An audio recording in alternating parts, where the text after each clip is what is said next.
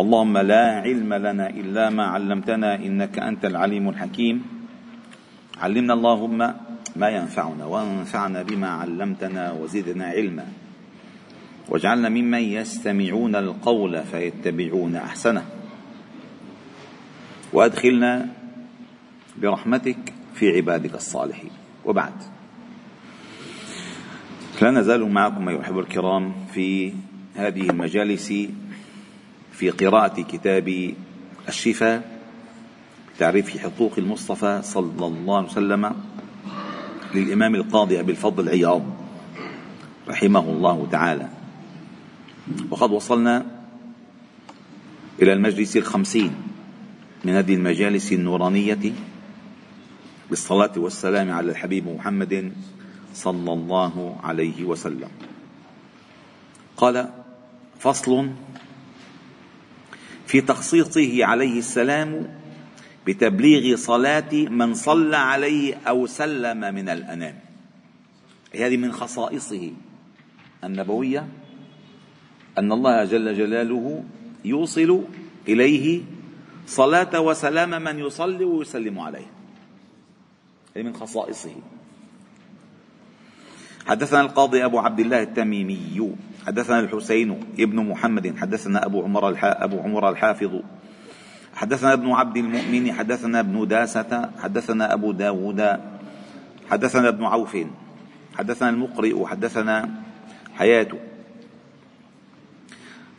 عن أبي صخر حميد ابن زياد عن يزيد بن عبد الله بن قصيط عن أبي هريرة رضي الله عنه أن النبي صلى الله عليه وسلم قال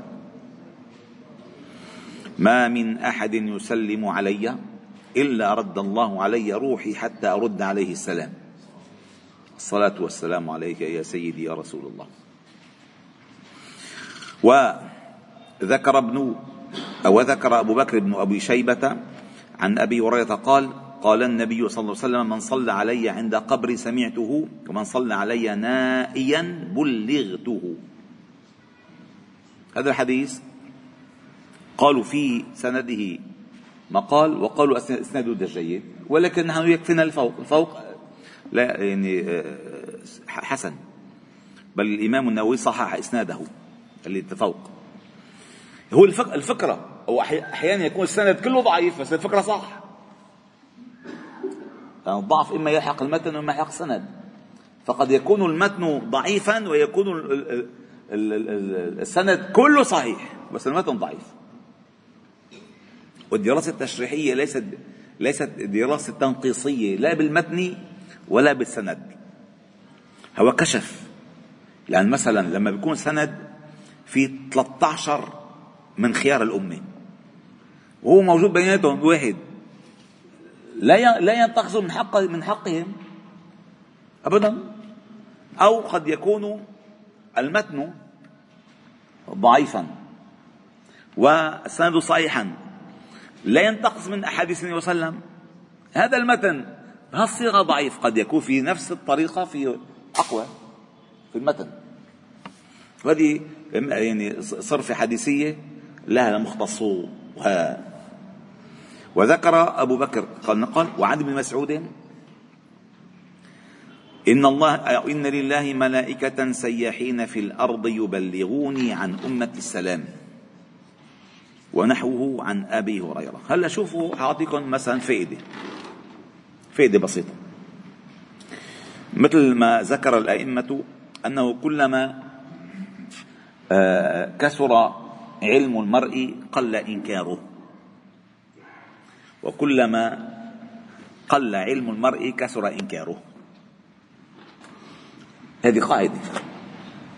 خلينا نطبق على الموضوع. هلا مثلا فأحيانا أحيانا نثبت شيء معين. الصحيح البخاري ورد في حديث يقول كيف نصلي عليك وقد أرمت أرمت فقال إن الله حرم على الأرض أن تأكل أجساد الأنبياء. مظبوط؟ إذا العلة بالموضوع تخيلك للنبي بعد وفاته كيف؟ كيف تخيلك؟ هو أصلا بشري مخلوق بشري وليس ملائكي هو مخلوق بشري هو من نسل آدم الذي خلقه الله من تراب وهذا بالنص وإن كان هو أشرف البشر على الإطلاق بل إن آدم يفتخر أن خرج من صلبه محمد صلى الله عليه وسلم فيفتخر أنه أنا هذا هذا هو ابني. مع أنه ابن البعيد البعيد البعيد. فإذا نحن كيف نتخيل آه، آه، حياته بعد آه، وفاته؟ طبعا هي حياة برزخية. لا ندري حقيقتها نهائيا. نهائيا. ولكن نؤمن بما وصلنا من أخبار أن الله يبلغ سلام وصلاة من يسلم عليه. كيف؟ وين؟ ما بنعرف. ولكن تبلغ هذا اليقين. فأحيانا مبالغ مبالغة في الإنكار لقلة العلم لقلة العلم تشن الحملات الكبيرة على من يسلم ويصلي عليه. وأحيانا من قلة العلم يعطى النبي صلى الله عليه وسلم هالة الآلهة وأنه مطلع على كل خلق على كل أمل عباده أتباعه لا هذا يصح ولا هذا يصح. النبي صلى الله عليه وسلم بشري. وميزته البشرية أن الله اصطفاه. بميزته البشرية. وبميزته البشرية الله يبلغه سلام من يسلم عليه. فما القضية أنه والله لأن نحن من شان ما نظن أنه النبي هيك بنقول هالشغلة كلها لا. لا يا حبيبي لا. خليك منصف. خليك منصف واتبع الأثر. من اتبع الأثر لا تزل قدمه. أبدا. خصوصا إن اتبع الأثر ممهورا بفهم أئمة الحق والهدى. يعني كيف فهمه العلماء؟ ما أنا كيف فهمته؟ أنا أحتاج دائما إلى أن أقرأ الأثر وأقرأ قول أهل الأثر. في تفسير هذا الأثر. ثم أنطلق اتساعا بالفهم واتساعا بالتعليم من خلال ما علمت وقرأت. أما قرأت الحديث هذا الحديث بدل على هكذا. من قال؟ من قال لك ذلك؟ هل قرأت أئمة العلم ماذا قالوا في الحديث قبل أن تفتئت وتتجرأ بالكلام اقرأ ماذا قال أهل العلم. ثم بعد ذلك انطلق. والله يتسع فهمك. وإدراكك وإدراكك وكلما كثر علمك قل إنكارك. وكلما قل علمك كثر علمك. نجم تقول هيدي لا أنت قرأت كل العلم. من قرأ العلم كله؟ ما أحد قرأ العلم كله. فإذا اتعد اتعد بالإنكار وتروى بالتأكيد. شوي شوي. كل شيء بهدوء. إن الله يحب الرفق في كل شيء. فهون المسألة إذا قضية حياته غير حياتنا. نحن لا نستطيع أن نتصورها. إنه كيف هيدي معقولة؟ فبيقيس بالعقل. نحن ما عندنا عقل. العقل بالتطبيق بالبناء. أما العقل بالآخرة ما في عقل. هلأ افتح القبر لواحد شهيد. تراه ميت وعظامه نخرة كلها. هو شهيد صالح. صحيح ولا لا؟ يعني نحن لا نرى هذا ما يحصل له في قبره يرى بغير العين التي عندنا. ولو كانت عندنا العين التي يحتاجها عالم البرزخ لرأينا ما قال وسلم بالحرف. لا نملك العين. وين الملائكة إلا وين الملائكة إن الله الملائكة سياحين في الأرض فضلا. يلتسمون يلتمسون حلق الذكر كل يوم. وأنا لا أشك أنهم في عندنا الآن في المسجد. من يراهم؟ وفي إخوتنا الجن كمان. من يراهم؟ طبعا أنا والله العظيم مرة قرأت الفجر من حوالي 12 سنة. يا 12 سنة يا 13 سنة. قرأت الفجر سورة الجن. صدقوني. يعني كان مثلا بالجامع ثلاث صفوف شعرت المسجد في 30 صف. كنت مكان مثلين والله العظيم مثلين شعرت هذا شعرت بس وين وينه؟ ما ما موجود. نؤمن. لأن الأثر والآية واضحة. قل أوحي إلي أنه استمع نفر من الجن فقالوا إن سمعنا قرآن عجبا. والجن المؤمن عندما يسمع القرآن يتهاتفون يتهافتون لسماع القرآن. خصوصا شيء بخصهم. يستمتعون. لكن الأنس عم يقولوا عنا يستمتعون. قال ونحوه عن أبي هريرة وعن ابن عمر اكثروا من السلام على نبيكم كل جمعة فإنه يؤتى به منكم في كل جمعة. يعني يبلغ يبلغ. وفي رواية فإن أحدا لا يصلي علي إلا عرضت صلاته علي حين يفرغ منها. وعن الحسن بن علي عنه صلى الله عليه وسلم حيثما كنتم فصلوا علي فإن صلاتكم تبلغني. صلى الله عليه وسلم. وعن ابن عباس قال ليس أحد من أمة محمد صلى الله عليه وسلم يسلم عليه ويصلي عليه إلا بلغه إلا بلغه. وذكر بعضهم أن العبد إذا صلى عليه وسلم عرض عليه اسمه. عرض عليه اسمه. حلو. وعن الحسن بن علي قال هلا بتقول لي لأن اسامه شو عنده يعني آه، نفوس الناس أصلا من يسمى باسم لم يكتبه الله له؟ من؟ ما سماه أبوه باسم ما كتب الله له له ما حد ابدا. ثم بعد ثم بعد ذلك الحديث الصحيح الذي قال صلى الله عليه وسلم عندما ذكر الفتن فقال فسمى لنا أسماء أصحابها وأسماء قبائلهم وألوان خيولهم. فهذا شغله منا. ولكن علم نحن لم لم ندركه.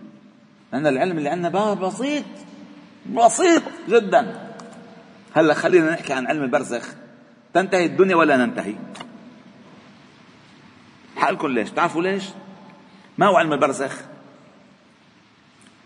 كل منا يعيش حياة البرزخ أكثر بكثير بكثير بكثير بكثير بكثير حتى موت وتموت الدنيا من حياة الشهيدة. أنت عندما تموت تبدأ بعالم البرزخ في قبرك. بتعيش سبعين سنة. بس يمكن بعد ما تموت لعشرة آلاف سنة تقوم الساعة. أنت عايش بعالم البرزخ. فأنت في عالم البرزخ أكثر منك بكثير من عالم الشهادة. وقبل أن تولد في عالم الذر كنت أكثر بكثير من قبل أن تصل إلى عالم الشهادة. وعندما نصل إلى يوم القيامة إلى عالم الحساب عالم القيامة خمسين ألف للعرض والحساب وأبد في الجنة أو في النار. سبحان الله. فإذا هناك عالم الزر اللي قبل وعالم الشهادة وعالم البرزخ وعالم الأمد وعالم الأبد. هذا عوالم نحن شو كان عم دخلنا على 60 سنة. لا نعلم شيئا نحن. لا نعلم شيئا. ثم قال وعن الحسن ابن علي إذا دخلت المسجد يقول فسلم على النبي صلى الله عليه وسلم فإن النبي صلى الله عليه وسلم قال لا تتخذوا بيتي عيدا ولا تتخذوا بيوتكم قبورا وصلوا علي حيثما كنتم فإن صلاتكم تبلغني حيثما كنتم. معنى الحديث؟ يعني ما تظن أنه لا يصلى عليه إلا عنده. أنه ما فيني صلي إلا لما أروح لعنده. إذا فعلت ذلك اتخذت بيته عيدا أما حيثما كنتم صلوا علي. ما الملائكة موكلة والملائكة من أيش مخلوقة أيها الأحباب؟ من نور. هلأ نحن عالم التقنية الآن. على شو معتمد؟ كله على الضوء. كل شو اسمها الألياف البصرية؟ فايبر أوبتيك على البصر يعني على الضوء كله على الضوء. كله بنعمل هلأ بس أنت شو بتصور؟ كله بالضوء الملاك بيطلع كل شيء. الملاك على الضوء بتشتغل. بتشتغل على النور. ولما تشتغل على النور يعني تسبق تسبق. يعني ممكن هلا بالعلم الحديث بالعلم الحديث الحبل اللي هو البصر بيحمل معلومات العالم كله. حبل هالقد كل معلومات العالم. فما نستغرب. الملائكة شغالة. بالأسماء بالأفعال بالأعمال. رفع الملك ملك يده ست ساعات قبل أن يسجل السيئة. عله يتوب. كله. مع عصاه أعصيناه كتابه. فإذا ما حدا يستغرب؟ فقال وفي حديث أوس أكثروا علي من صلاة يوم الجمعة فإن صلاتكم معروض علي. مشهور. وعن سليمان بن سحيم رأيت النبي صلى الله عليه وسلم في النوم فقلت يا رسول الله هؤلاء الذين يأتونك فيسلمون عليك أتفقه سلامهم؟ فقال نعم وأرد عليهم. أولا بالبداية نحن لا نعتمد على المنامات. المنامات بشارات وليست أحكام شرعية. ومن عاش في المنامات فهو في المنامات. من عاش في المنامات فهو في المنامات. بيعيش بخيال شوف منام بيسترسل هو هو هو خيال. قد قد يكون اضغاث أحلام. لا نعلم. ولكن لا تعلق على على الرؤيا حكما. ولا ولا يجوز أصلا. لا يجوز ابدا. حتى قال العلماء لو رأيت النبي صلى الله عليه وسلم قال لك في المنام لا تصلي صلي. لا يؤخذ منه حكم شرعي. ليش؟ قالوا لو أخذ منه حكم شرعي بعد وفاته لكان أنقص التبليغ في حياته. لو كان يؤخذ منه حكم شرعي بعد وفاته لكان أنقص حكما شرعيا في بيانه في حياته. وهذا نقص هذا لا يجوز. هذا كثير مهم الشغلة شفت النبي نعم بشارة لك بشارة. ما فيها أحكام شرعية. شفتها بشارة خير لك. ثم قال وعن ابن شهاب بلغنا أن النبي صلى الله عليه وسلم قال أكثروا من الصلاة علي في ليلة الزهراء واليوم الأزهر يعني الجمعة فإنهما يؤديان عنكم وإن الملائكة الأيام وإن الأرض لا تأكل أجساد الأنبياء. وما من مسلم يصلي علي إلا حملها ملك حتى يؤديها إلي ويسميه حتى إنه يقول إن فلان نقول كذا وكذا. صلى الله عليه وسلم. فصل في الاختلاف في الصلاة على غير النبي صلى الله عليه وسلم وسائر الأنبياء عليهم السلام. قال القاضي العياض وفقه الله من نسخ نسخ بكتبه قال عامة أهل العلم متفقون على جواز الصلاة على غير النبي صلى الله عليه وسلم. وروي عن ابن عباس أنه قال لا تجوز الصلاة على غير النبي صلى الله عليه وسلم. وروي عنه لا ينبغي الصلاة على أحد إلا النبيين. وقال سفيان يكره أن يصلى إلا على نبي. ووجدت بخط بعض شيوخ مذهب مالك أنه لا يجوز أن يصلى على أحد من الأنبياء سوى محمد صلى الله عليه وسلم. وهذا غير معروف من مذهبه وقد قال مالك في المبسوطة المدونه ليحيى بن إسحاق أكره الصلاة على غير الأنبياء وما ينبغي لنا أن نتعدى ما أمرنا به. هل هو آخر شيء بيذكر الملخص. ما تستعجلوا؟ وقال يحيى ابن يحيى لست آخذ بقوله أو لست آخذ لست آخذ بقوله. ولا بأس بالصلاة على الأنبياء كلهم ولا غيرهم واحتج بحديث ابن عمر. وهذا وهذا الأصح الأرجح. وبما جاء من حديث عليه وسلم عليه قال وفيه وعلى آله وعلى أزواجه. وقد وجدت معلقا عن ابن عمران الفاسي روي عن ابن عباس رضي الله عنهما كراهة الصلاة على النبي صلى الله عليه وسلم وقال وبه نقول ولم تكن تستعمل فيما مضى. يعني بلشنا بالتخفيف الكراهة أنه الأفضل تخصيص النبي صلى الله عليه وسلم بالصلاة عليه والأنبياء. ليس غيرهم. ما حدا ورد ذكر اللهم صل على أبي بكر. مع أنه يجوز. الإمام النووي قال يجوز ذلك ولكن لا تستعمل. اللهم صل وسلم على عمر. يجوز ولكن لا تستعمل. لما بصير انت بتساوي الأنبياء بغيرهم. خلي الأنبياء مرحلة يعني لذلك قال الفقهاء أن تجويد القرآن وترتيله بالأحكام التجويدية هو لتمييزه عن باقي الكلام. فترفع شأنه بهذا التجويد. أي هذا الكلام ليس ليس كباقي الكلام. ومن هذا الباب نفس الأمر. لا تصلي إلا على الأنبياء. لا يعني أنه لا يجوز الصلاة على غير الأنبياء. بدليل النبي صلى الله عليه وسلم قال اللهم صل على ابن على آل آل أوفى آل ابن أوفى. صل عليهم. ولكن الأفضل أن نضبط الإيقاع. مثل ما سيدنا عثمان الله مرضى عنه حرق المصاحف. اللي موجودة متواترة وموجودة صحيحة. ولكن حتى نضبط الأصل. حتى نضبط الأصل. قال وقد روى عبد الرزاق عن أبي هريرة قال قال النبي صلى الله عليه وسلم صلوا على الأنبياء على أنبياء الله ورسله فإنه بعثهم كما بعثني. وقالوا والأسانيد عن ابن عباس لينة والصلاة على اللسان العربي بمعنى الترحم والدعاء وذلك على الإطلاق حتى حتى يمنع منه حديث صحيح أو إجماع. وقد قال الله تعالى هو الذي يصلي عليكم وملائكته ليخرجكم من الظلمات إلى النور وكان بالمؤمنين رحيما. في الصلاة وقائمة. تقول اللهم صل عليه. وهو الله الله يصلي على المؤمنين. فتقول اللهم صل على البراء مثلا. بجوز. ولكن الأصل أن تضبط وقال خذ من أموالهم صدقة تطهرهم وتزكيهم بها وصل عليهم. إن صلواتك أو إن صلاتك سكن لهم ونصر عليهم. وقال تعالى أولئك عليهم صلوات من ربهم ورحمة. وقال النبي صلى الله عليه وسلم اللهم صل على آل أبي أوفى. وكان إذا أتاه قوم بصدقهم قال اللهم صل على آل فلان. في حديث الصلاة قال اللهم صل على محمد وعلى أزواجه وذريته. وعلى ذريته.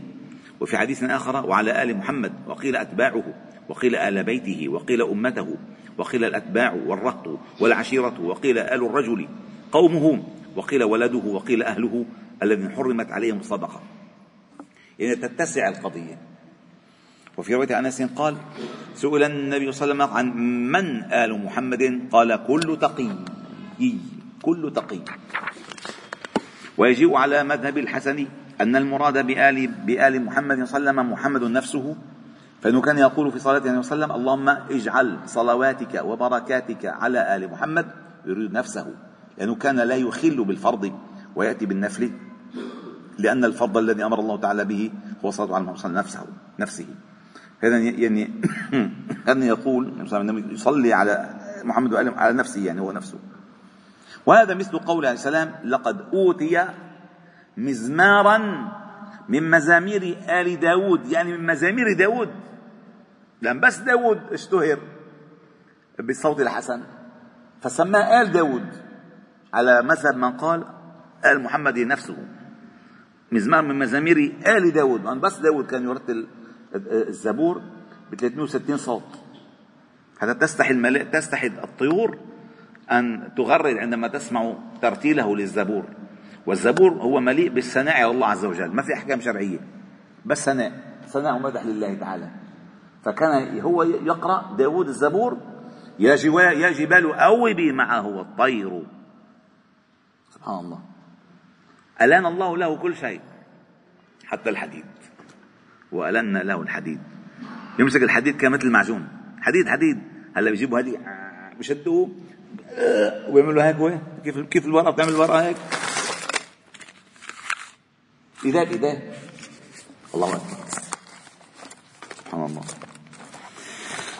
اللهم ألن لنا قلوبنا فقد قست كالحديد. اللهم ألن لنا قلوبنا يا رب. لأن هو أهم شيء بالقرآن أهم شيء بالقرآن أن أن تشعر معه باللين لين القلب. قال الله تعالى الله نزل أحسن الحديث كتابا متشابها مثانية تقشعر منه جلود لا ثم تلين جلودهم وقلوبهم بذكر الله.